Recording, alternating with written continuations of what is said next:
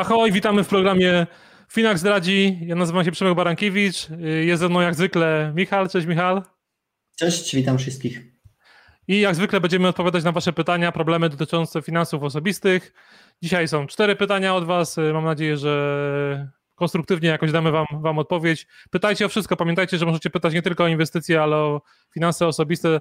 Zresztą te pytania są, się pojawiają cały czas, więc jakby chcemy, jesteśmy tu po to, żeby wam, pomóc i ułożyć wasze finanse odpowiednio, nie tylko tą część inwestycyjną, bo ta część inwestycyjna jest taka, taką wisienką na torcie na końcu, ale najpierw musicie za, zaoszczędzić, zarobić i, i chcemy wam w tym wszystkim pomóc. Yy, już puszczamy pierwsze pytanie, bo dzisiaj, jak mówiłem, dzisiaj głównie kobiety będą pytać. Yy, zaczniemy od pani Beaty. Beata, co sądzisz o inwestowaniu środków w Finax teraz, kiedy rośnie współczynnik Buffetta? Jest się czym przejmować? To Miszo, ty tu jesteś ekspertem, bo za chwilę będziesz miał taki fajny webinar też na, ten, na ten temat, czy inwestowanie na szczytach jest opłacalne, mm. prawda? E, tak, e, będę mieć taki webinar, gdzie mm, no, trochę głębiej mm, pójdziemy do tego tematu, że gdzie znajdują się teraz rynki. Mm, porównamy to z historią, że też cheaty, że jak często są rynki w ogóle na szczytach. No a oraz um, też tam będziemy się starać odpowiedzieć na to, że no, w jaki sposób inwestować, gdy rynki są na szczytach albo prawie na swoich szczytach. Jest tak, że w ostatnim mm, czasie, powiedzmy tak już 3 miesiące, 4 miesiące, jak rynki ciągle e, rosły i rosły, to, to pytanie, które pani Beata zadała, było e, częste. A co jest dalej ciekawe, że dwa tygodnie temu mm, przede wszystkim rynki amerykańskie albo indeks Nasdaq i technologiczne akcje mm, zaczęli tracić i nie mało. Na przykład jeśli popatrzycie na przykład na, do Google, na Tesla, no to można widzieć, że no ładnych, może nawet i 20% już straciła. Więc niektórzy teraz zaczęli z takim innym narratywem, że już jest początek jakiegoś kryzysu, jakichś większych spadków i tak dalej, no ale na razie widzimy, że te spadki są naprawdę minimalne, że jeśli popatrzymy na indeks S&P 500, no to te spadki są może minus 2, minus 2,5%, tam na maksie było jakieś minus 4,5%, więc to znowu wracam do tego, co mi ciągle, ciągle powtarzamy, że ciężko przewidzieć, jak rozwija się rynek krótkoterminowo w ciągu tygodni, miesięcy albo jakiegoś tam roku. Więc wracając do e, pytania pani Beaty, jest kilka wskaźników, które mm, określają mm, powiedzmy, że stopień opłacalności E, zakupu poszczególnych papierów wartościowych albo całego indeksu, czyli tutaj w, e, w tym przypadku będziemy się posługiwać indeks, indeksem S&P 500 i jest tak, że taki może najbardziej znany wskaźnik jest indeks PE ratio albo cena w stosunku do zysku.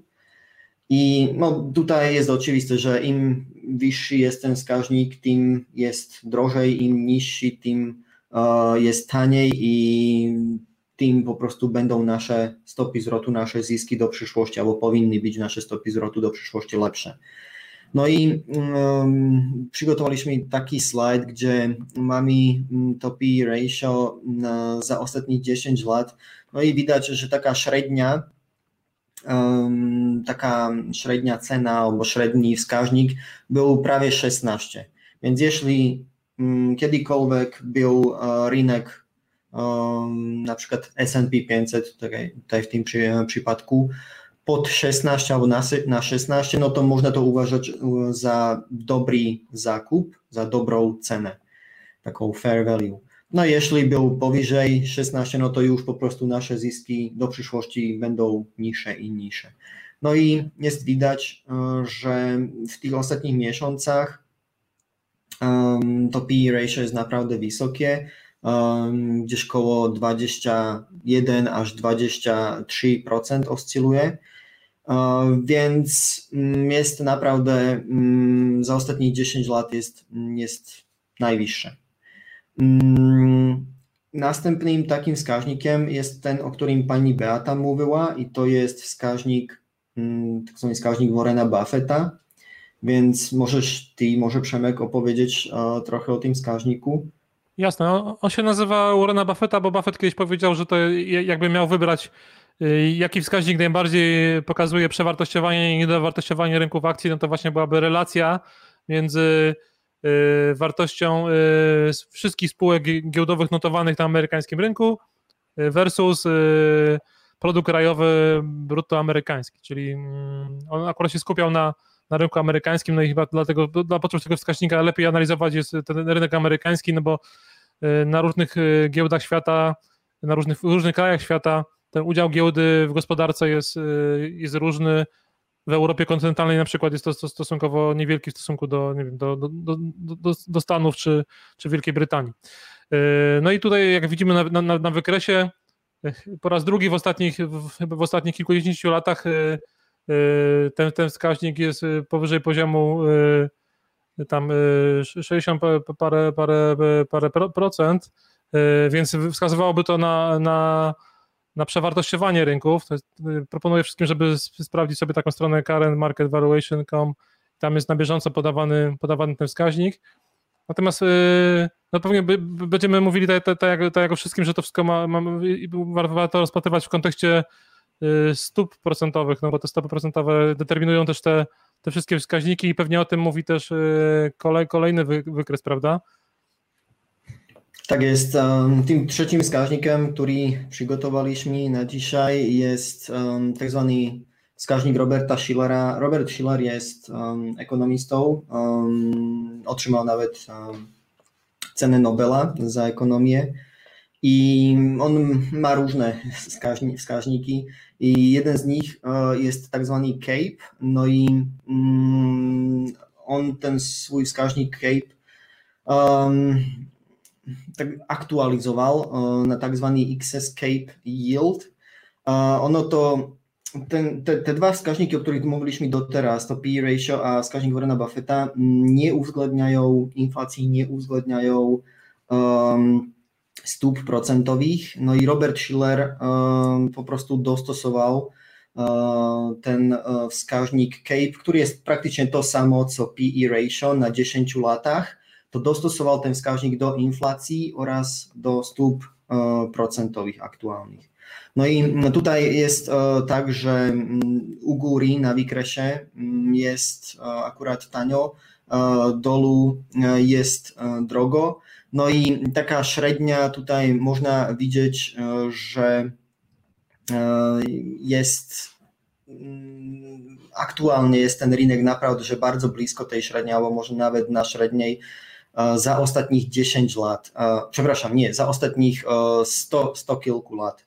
Więc jest tak, że mm, no z tymi wskaźnikami no, różne, zależy od metodologii, że co wszystko bierzemy pod uwagę, no i potem różne wyniki możemy z tego otrzymać. Więc no, jeśli po prostu wzięlibyśmy tylko ten CAPE, samotny CAPE e, ratio od Roberta Schillera, no to też widzielibyśmy, że rynki są aktualnie według tego wskaźnika przewartościowane, no ale jeśli go dostosujemy do inflacji, do stóp procentowych, no to e, widać, że ten wskaźnik się zmieni i po prostu pokazuje coś innego. Więc z tymi wskaźnikami, no metodologia gra dużą rolę. I żeby jeszcze w taki inny sposób niż tylko takim statystycznym odpowiedzieć na to pytanie uh, pani um, Beaty, ja uważam, że uh, jest tak, że aktualnie mm, albo w dzisiejszych czasach Dużą rolę gra, grają media, YouTube, sieci socjalne, tak zwany szum medialny. No i po prostu zawsze w którymkolwiek momencie mm, rozwoja rynku, poszczególnego rynku albo całej naszej gospodarki, możemy po prostu sobie znaleźć takie powody, um, dlaczego już uważamy, że powinna nastąpić korekta albo jakiś spadek, albo nawet powinna byť bez sa na rynku alebo po prostu cała nasza gospodarka powinna mieć kontrakcje.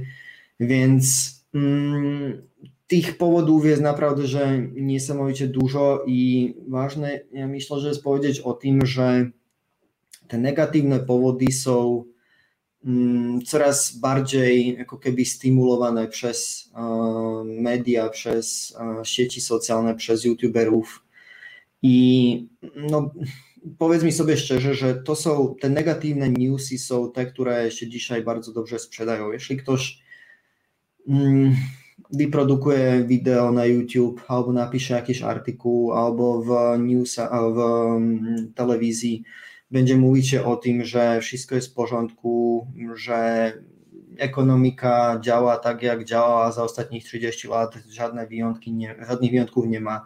Rynki kapitałowe działają tak samo jak w ostatnich 130 latach, żadnych wyjątków nie ma. Tak, są pory, gdy rynek rośnie, są pory, gdy nawet dostanie się do banki albo że jest przewartościowany i wtedy potem po takich porach jest jakaś besa albo nawet krótka korekta, więc to jest coś zupełnie normalnego, ale jeśli ktoś wyprodukuje takie wideo, no to powiedz mi sobie szczerze, ile ludzi będzie oglądać takie wideo, albo ile ludzi kliknie na taki artykuł. A jeśli ktoś napisze artykuł o tym, że już po prostu tak dalej się nie da żyć, że już e, niesamowicie jest wszystko przewartościowane, że inflacja będzie wysoka i nie wiem, i tak dalej, i tak dalej. Po prostu jakieś katastroficzne scenariusze.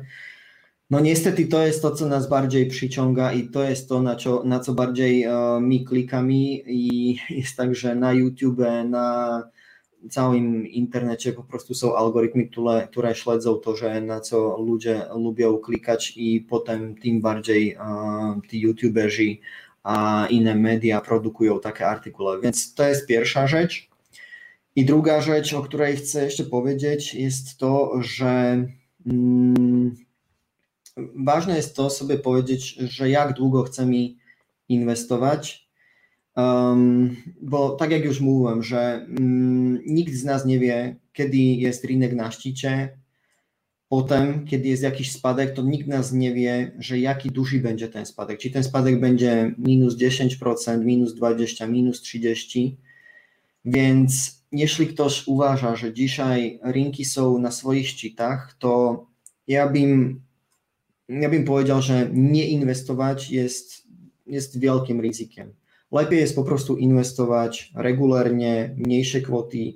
Jeśli klient albo potencjalny klient, inwestor ma zaoszczędzoną jakąś większą kwotę, no to po prostu podzielić ją na kilka transzy, nie wiem, na 12 transzy na najbliższych 12 miesięcy i po prostu co miesiąc wpłacać tą kwotę regularnie.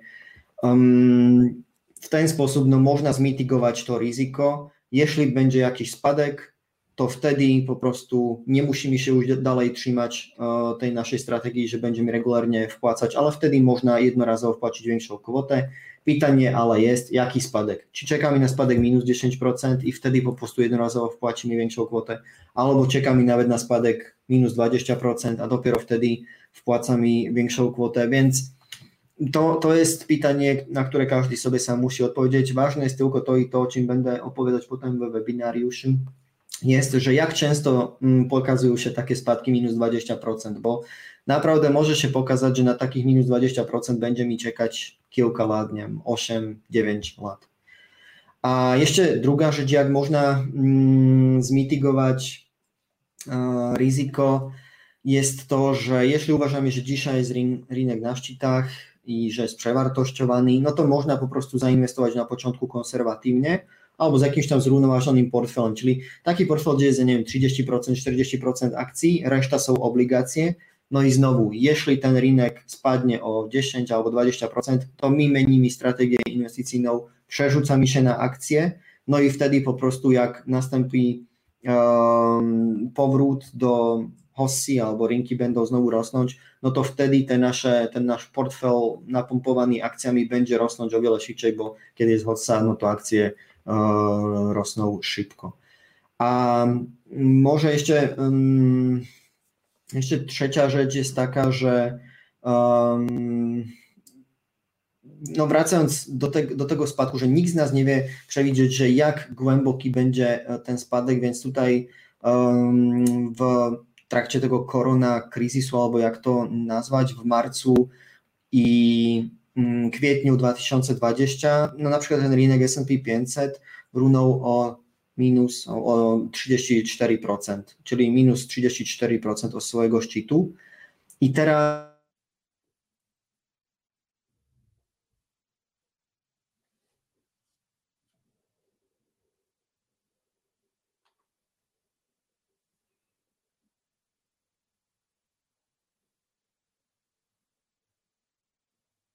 nie parę tygodni, przepraszam, jeden tydzień albo dosłownie jeden tydzień roboczy, czyli 5 dni na to, aby się zdecydował, że ok, teraz chcę zainwestować, więc w dzisiejszych czasach jest bardzo ładnie widać, że te spadki są takie bardzo ostre V, więc ta decyzja, albo podjąć decyzję na to, aby zainwestować, musi się odbyć naprawdę bardzo szybko, i tak naprawdę ta decyzja nie powinna się odbywać tutaj, ale ta decyzja powinna się odbywać na szczytach, czyli już na szczytach powinien mieć każdy przygotowaną, przygotowany plan, strategię, co zrobię, jeśli rynek spadnie o 10%, co zrobię, jeśli rynek spadnie o 20%. Więc to jest to, to, to główne pytanie, na które powinniśmy odpowiedzieć wtedy, kiedy są dobre czasy, wtedy, kiedy jeszcze nie ma tych spadków, dlatego że kiedy już będą te spadki, tak jak mówiłem, szum medialny będzie niesamowity, będzie mieć duży wpływ na naszą psychikę na, mm, na nas samotnych, na nasze decyzje i po prostu będziemy działać pod wpływem irracjonalnych emocji i nie pod wpływem jakiejś strategii długoterminowej. Więc może tylko tyle na, jako odpowiedź na to pytanie. No bardzo, bardzo dużo, dużo opowiedziałeś, ale i tak zostawiłeś na pewno coś na ten webinar 16 marca, tak? To, to mm. o 20, więc zapraszamy. Tak jest.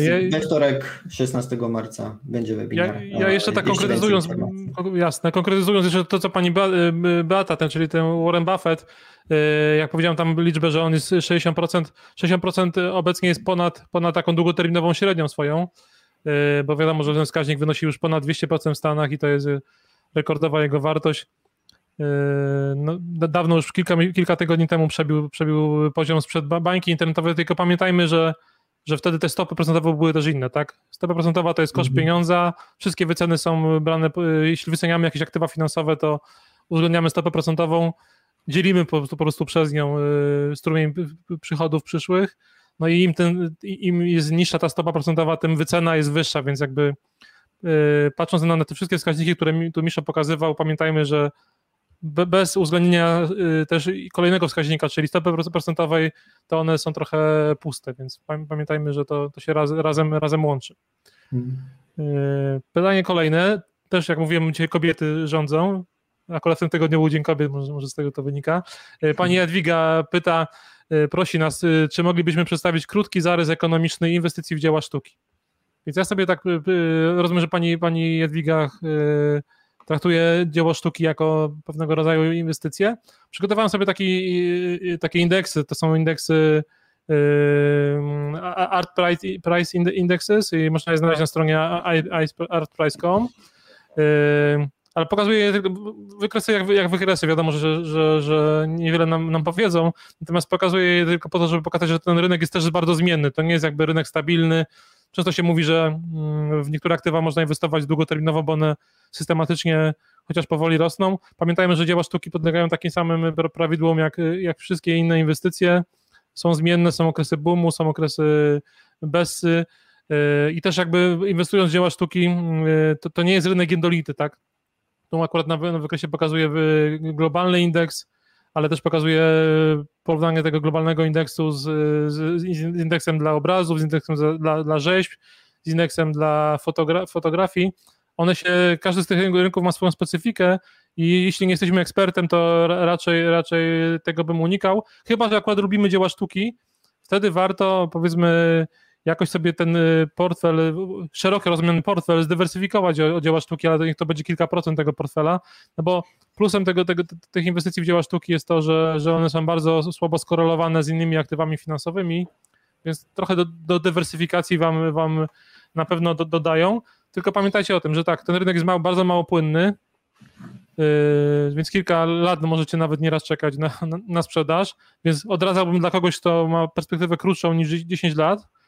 Yy, bardzo wysokie są koszty transakcyjne, yy, czyli wiadomo, że musicie domo, domowi aukcyjnemu trochę zapłacić i poza tym dochodzą takie koszty typu ubezpieczenie, certyfikat autentyczności też trochę kosztuje, to może być nawet kilka, kilka procent wartości, wartości danego dzieła, więc, y, więc długi termin dla dywersyfikacji, mała część portfela dla fanów sztuki, gdy ten zysk nie jest tylko jedynym wymiernikiem tego, co, co robicie, ale też jakby y, lubicie jakby oczy, o, oczy swoje koić widokiem pięk, pięknego dzieła sztuki, to, to ma sens.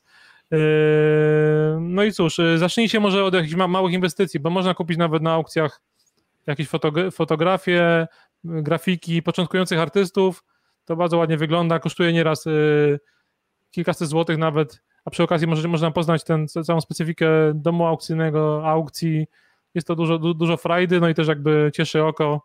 Można kupić nie tylko samemu, ale z żoną czy, czy, czy, czy z mężem, no i gdzieś tam potem powiesić sobie to dzieło sztuki, więc ma, ma to trochę walory też pozainwestycyjne i raczej tak bym to, do tego podchodził, panie Edwigo, nie do konkretnej inwestycji. My w Finaxie nie mamy w portfelach e, dzieł, dzieł sztuki na razie. E, I pytanie pani Marty. E, pewnie takie teraz częste bardzo pytanie. Czy kupować obligacje państwowe, czy portfel obligacyjny w Finax? No więc jest, to pytanie, które podejrzewam gdzieś tam niesie ze sobą ten wątek inflacji, bo dużo o tej inflacji się mówi. Ja odsyłam też do, do, do, do mojego webinarium finansowego poświęconemu e, inflacji. E, zanim na to pytanie odpowiem, to może warto powiedzieć dwie rzeczy. E, powiem, powiedzmy sobie, więcej o, o, o, tych, o tych obligacjach inflacyjnych. Czyli polski rząd emituje obligacje skarbowe, są one ciągle jakby dostępne, cały czas można je kupić. Takie inflacyjne główne to są czterolatki, dziesięciolatki. E, stopa procentowa tych czterolatków obecnych to jest 1,3% w tym roku, ale każda kolejna, jakby kolejny rok to będzie marża, która wynosi 0,75% plus inflacja. Czyli powiedzmy, jak inflacja w grudniu tego roku będzie, na końcu tego roku będzie 3%, to w przyszłym e, roku będziecie mieli z, z, z, tych, z tych obligacji 3,75%. Oczywiście opodatkowane podatkiem belki, no ale jest to całkiem przyzwoita stopa i, i broni przed, nas przed tym, przed tym widmem inflacji tak, tak, tak naprawdę. Yy, jest to w miarę płynny, płynny, płynne aktywo, no bo yy, można je sprzedać, oddać państwu wcześniej, pobiera państwo za, za to opłatę tam 0,7% przy 4 latkach albo 1, 2% przy, przy 10 latkach, więc to jest całkiem sporo. Natomiast to i tak daje niezłą stopę zwrotu.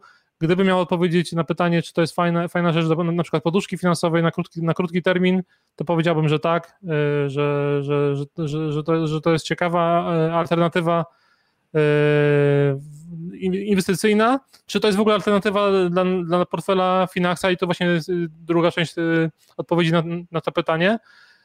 To nie do końca jest, są porównywalne rzeczy, bo tak, Finax po pierwsze mm, spójrzmy na, na, na, na to, co, ma, co mamy w tym portfelu czysto obligacyjnym Finaxa, yy, czyli zakładamy, że mamy Finax 100% i w nim macie yy, obligacji, w nim macie yy, dwie rzeczy, to są obligacje rządowe, jedna czwarta to są europejskie obligacje korporacyjne, no i tam trochę mniej tych takich obligacji wysokodochodowych i rządowych z rynków wschodzących, czyli generalnie można powiedzieć, że to są obligacje rządowe, no czyli takie najbardziej, najbardziej płynne instrumenty, yy, ale też bardzo zmienne, jeśli chodzi o, o, o rentowność, a wiadomo, że rentowność obligacji to jest, to jest yy, cena obligacji.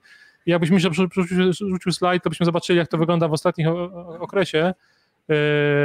No właśnie, w tamtym, w tamtym roku mieliśmy takie stopy dość przyzwoite, jeśli chodzi o te obligacje, bo one te, te portfele obligacyjne dawały, dawały zarobić w Finaxie i to całkiem, nieźle.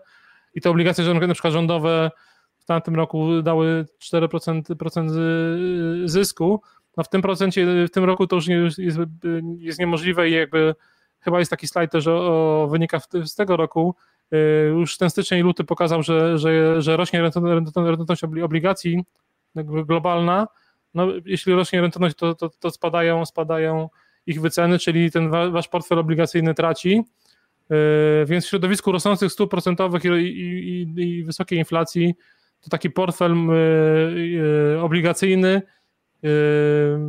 no, moim zdaniem przegrywa walkę z, z obligacjami indeksowanymi o inflację, więc tutaj bym pani, pani zalecił, pani Marcie, te, te, te, te, te, te indeksowane obligacje skarbowe, tylko z jednym, z jednym zaznaczeniem, zaznaczeniem takim, że e, w Finaxie masz to wszystko w euro, mm, więc jakby też to ryzyko walutowe jest jakby uwzględnione, czyli zakładając, że będzie wysoka inflacja w Polsce. Teraz w tym momencie rynki gdzieś tam wyceniają w perspektywie 2,5 roku, że to będzie łącznie 8-9%, czyli całkiem, y, czyli twoje pieniądze de facto stracą na wartości, na wartości tyle, bo są stopy procentowe zerowe, to może się też przełożyć w pewien, w pewien sposób na, na kurs e, e, euro do złotego, no te portfele Finaxa, te, te obligacyjne są całkowicie denominowane albo zabezpieczone do, do euro, więc y, tutaj masz trochę taki hedging walutowy Y, dla, dla, swoich inwestycji, że, że, masz to, że masz to w euro, tak, tak, tak naprawdę, nie? Y, więc to może być pozytyw, pozytywne tych, tych, tych, tych portfeli Finaxa. Natomiast my w ogóle chyba wolimy te, te obligacje w portfelach Finaxa nie, nie rozpatrywać w sensie, mm, że to jest jakby część obligacyjna, tylko że to jest część, część większe, większego składu portfela, tak? Że one, one, one mają trochę mm, równoważyć zmienność całego portfela inwestora inwestującego w Finax, prawda? Prawda, Miszo? Ta, ta, taka jest koncepcja, koncepcja, filozofia Finaxa, nie? Mm, tak, zgadzam się, że po prostu obligacje są po to, żeby ochronić naszą inwestycję w tych czasach, kiedy są spadki albo kiedy nastąpi bessa, więc to jest taki sens obligacji w portfelu. Więc Pani Marto, krótkim, jeśli chce Pani poduszkę, to są fajne te obligacje indeksowane skarbu, o inflacji Skarbu Państwa, Yy, I to mówimy uczciwie, że, on, że, że, że te finansowe to minimum, minimum kilka lat, pięć lat powiedzmy, to ma sens. Tak? I jeszcze mieć trochę lepiej yy, yy, ten portfel zdywersyfikowany, jednak nie tylko obligacje, bo to zawsze daje wyższą relację stopy zwrotu do, do ryzyka. Dobra, i mamy pytanie pana Grzegorza. Wreszcie jakiś rodzynek się znalazł. Po co blokować kwotę 1,5% w skali roku, skoro za zarządzanie opłata pobierana jest 1,2 w skali roku, a wpłaty są regularne co miesiąc i zabezpieczają kwoty opłaty za zarządzanie. Czyli chodzi o to, że y, dlaczego blokujemy 1,5%. Mhm. Nawet nieraz ludzie, niektórzy piszą, że mają y, 2,5% w gotówce na, na, na swoim y, mhm. koncie. Z czego to wynika, Miszo?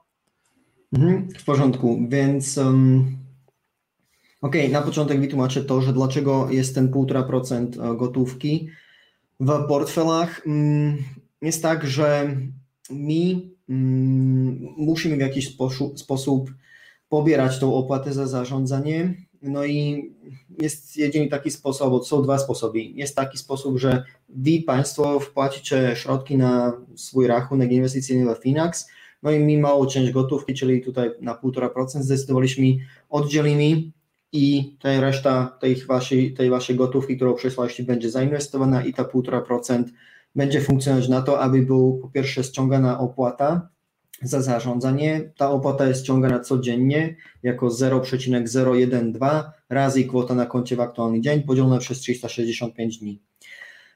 Drugi powód jest ten, bo pan Grzegorz na przykład jest um, klient, który przesyła regularnie co miesiąc jakieś środki, ale jak dobrze wiecie, mm, klienci no nie, są, nie mają obowiązek przesyłać co miesiąc te środki, więc mi też tak naprawdę nie wiemy, że no cokolwiek może się stać w życiu, może się zepsuć samochód i pan Grzegorz będzie e, teraz potrzebować środki na naprawę albo nawet na kupno nowego samochodu, czyli po prostu przez jakiś czas albo nawet może przez 12 miesięcy pan Grzegorz nie będzie mógł e, przesłać tą e, regularną wpłatę.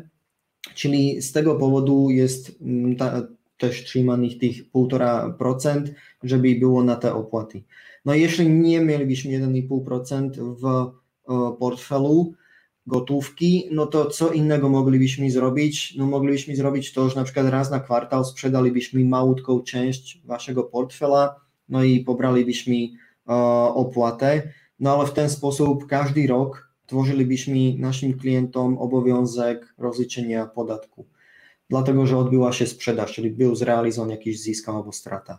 No i może mm, już wiecie, że na iných rinkách, na ktorých ďalami, či napríklad Slovácia, Čechy, Chorvácia, sú různé práva mm, podatkové.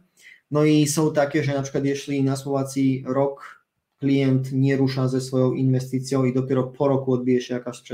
V Chorvácii 2 lata, v Čechách 3 lata. No to potom v ogóle nie je potrzebne rozličať podatek. Więc tak naprawdę na Słowacji, v Chorvácii, v Čechách będą nawet klienti, którzy môže s nami będą inwestować 20-30 lat na swoją emeritúre. I za cały czas zapłacą podatek tylko mm, raz na dwa lata albo raz na trzy lata, kiedy będzie, kiedy odbije się rebalancing i to jest wszystko.